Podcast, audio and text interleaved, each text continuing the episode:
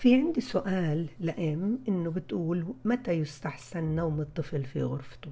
أنا ما بقدر أنصحك وأنت ينام في غرفته طفلك. ليه؟ لأن أنا ما بعرف عنه قدك. أنت بتعرفي إذا عنده غازات وعماله بفيق كل نص ساعة ساعة لأنه بده يتدشى أو بده يتدرع. أنت بتعرفي إنه عنده معاناة نفرض في من ناحية جسمانية صحية.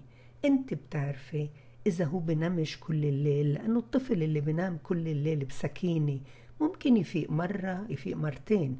الأطفال بالسنة الأولى والثانية لابد إلا يفيقوا. عشان هيك أنا حك... كتبت قصة كشكش ينام بسريرة بقوم أول مرة بده يشرب بقوم كمان مرة بده يفوت على الحمام. هاي هي الطبيعة عند الأطفال. أنت بتحطيه بغرفته بسريره لما أنت بتطمني إنه هو مش عايزك بالثمان ساعات. مثلا لو بترضعي ما بتقدر توديه على غرفته بسريره لأنك بدك تقومي أهون عليك يكون بسريره جنبك تقومي وترضعي وترجعي على سريره. فاللي بقرر وين يستقل في غرفته في سريره هو أنت بس. إسا في سؤال اللي بدي أنا أتبع فيه هذا الموضوع اللي بدنا نحكي قصة قبل النوم. هاي أنا دايما بطلبها من الأمهات أو من الآباء أو من الإخوة الكبار حتى. إذا بسردوا وسردهن جميل وشيق إن نسرد قصة للطفل.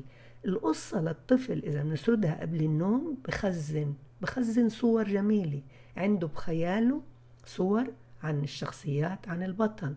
مش بس خياله الناحية الاجتماعية بخزن صور كيف دارت الحبكة وكيف كانت التفاعل بين الشخصيات. بخزن صور كمان من ناحية فكرية.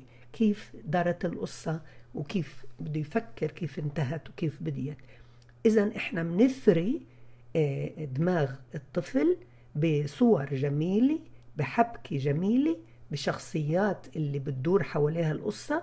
وهيك إحنا بنكون خلينا نومته تكون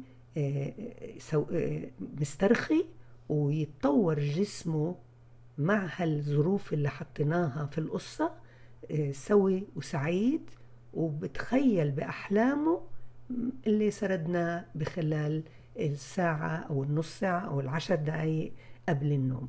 ما تنسي هذا كتير مهم سرد القصة قبل النوم.